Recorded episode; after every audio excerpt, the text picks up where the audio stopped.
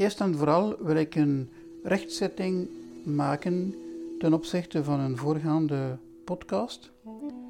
De Hokyo Zanmai is geen sutra, maar het is een gedicht. Sutra is, sutras zijn het onderricht die de Boeddha heeft uitgesproken.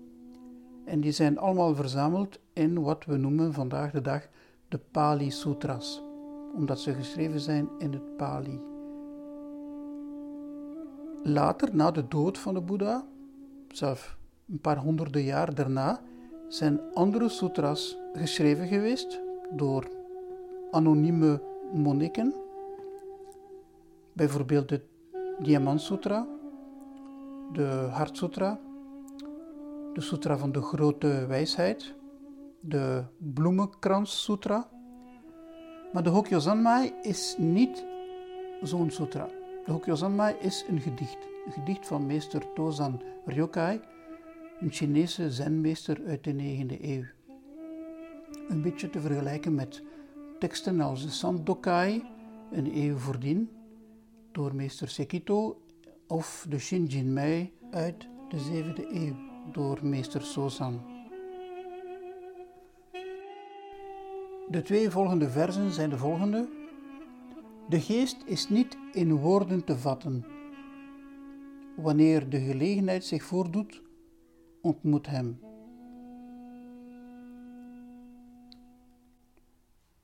De geest, het bewustzijn, wordt soms vertaald als de betekenis. De betekenis is niet in woorden te vatten. Het bewustzijn is niet in woorden te vatten.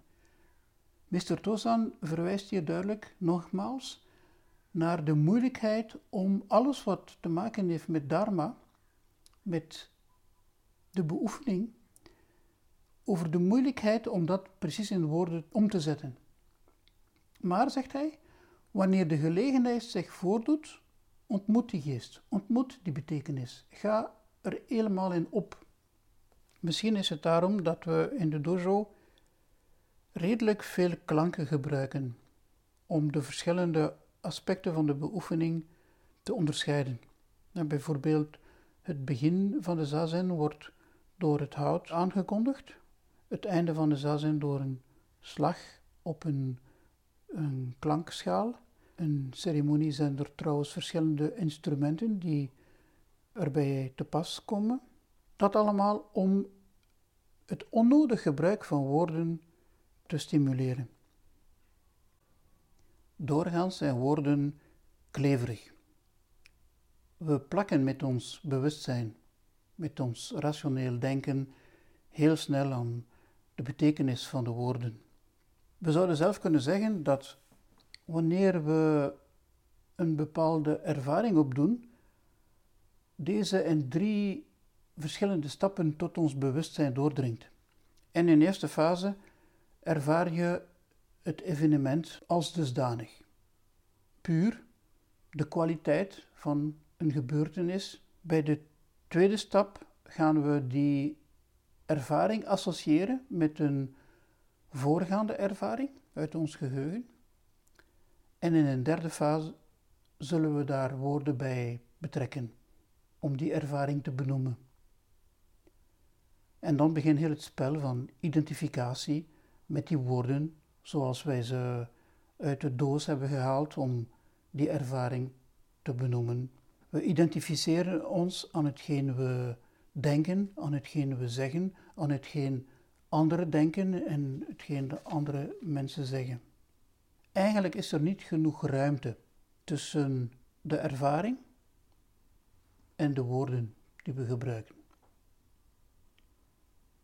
We zouden eigenlijk meer ruimte moeten plaatsen tussen onszelf en de woorden.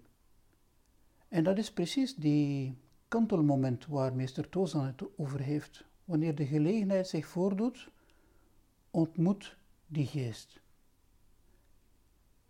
En stilte is natuurlijk een heel belangrijk gegeven in onze zen-traditie. Het is in stilte dat de meditatie gebeurt. We laten ons opnemen door de stilte. We laten ons inspireren door de stilte.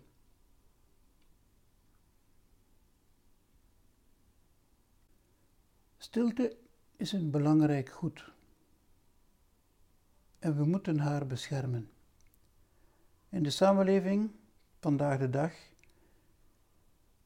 is stilte een zeer moeilijk te vinden gegeven. En zijn veel mensen op zoek naar stilte, zonder goed te weten hoe hieraan te beginnen.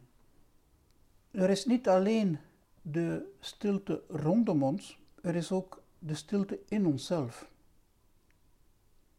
Hoe kunnen we die innerlijke stem, die voortdurend in een oneindige monoloog bezig is te praten, hoe kunnen we die stilletjes aan tot stilte aanmanen?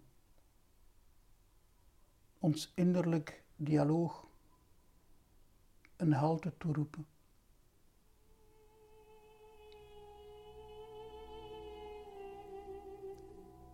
Om te eindigen een haiku van meester Basho. Stilte. De stem van de krekel dringt de rots binnen.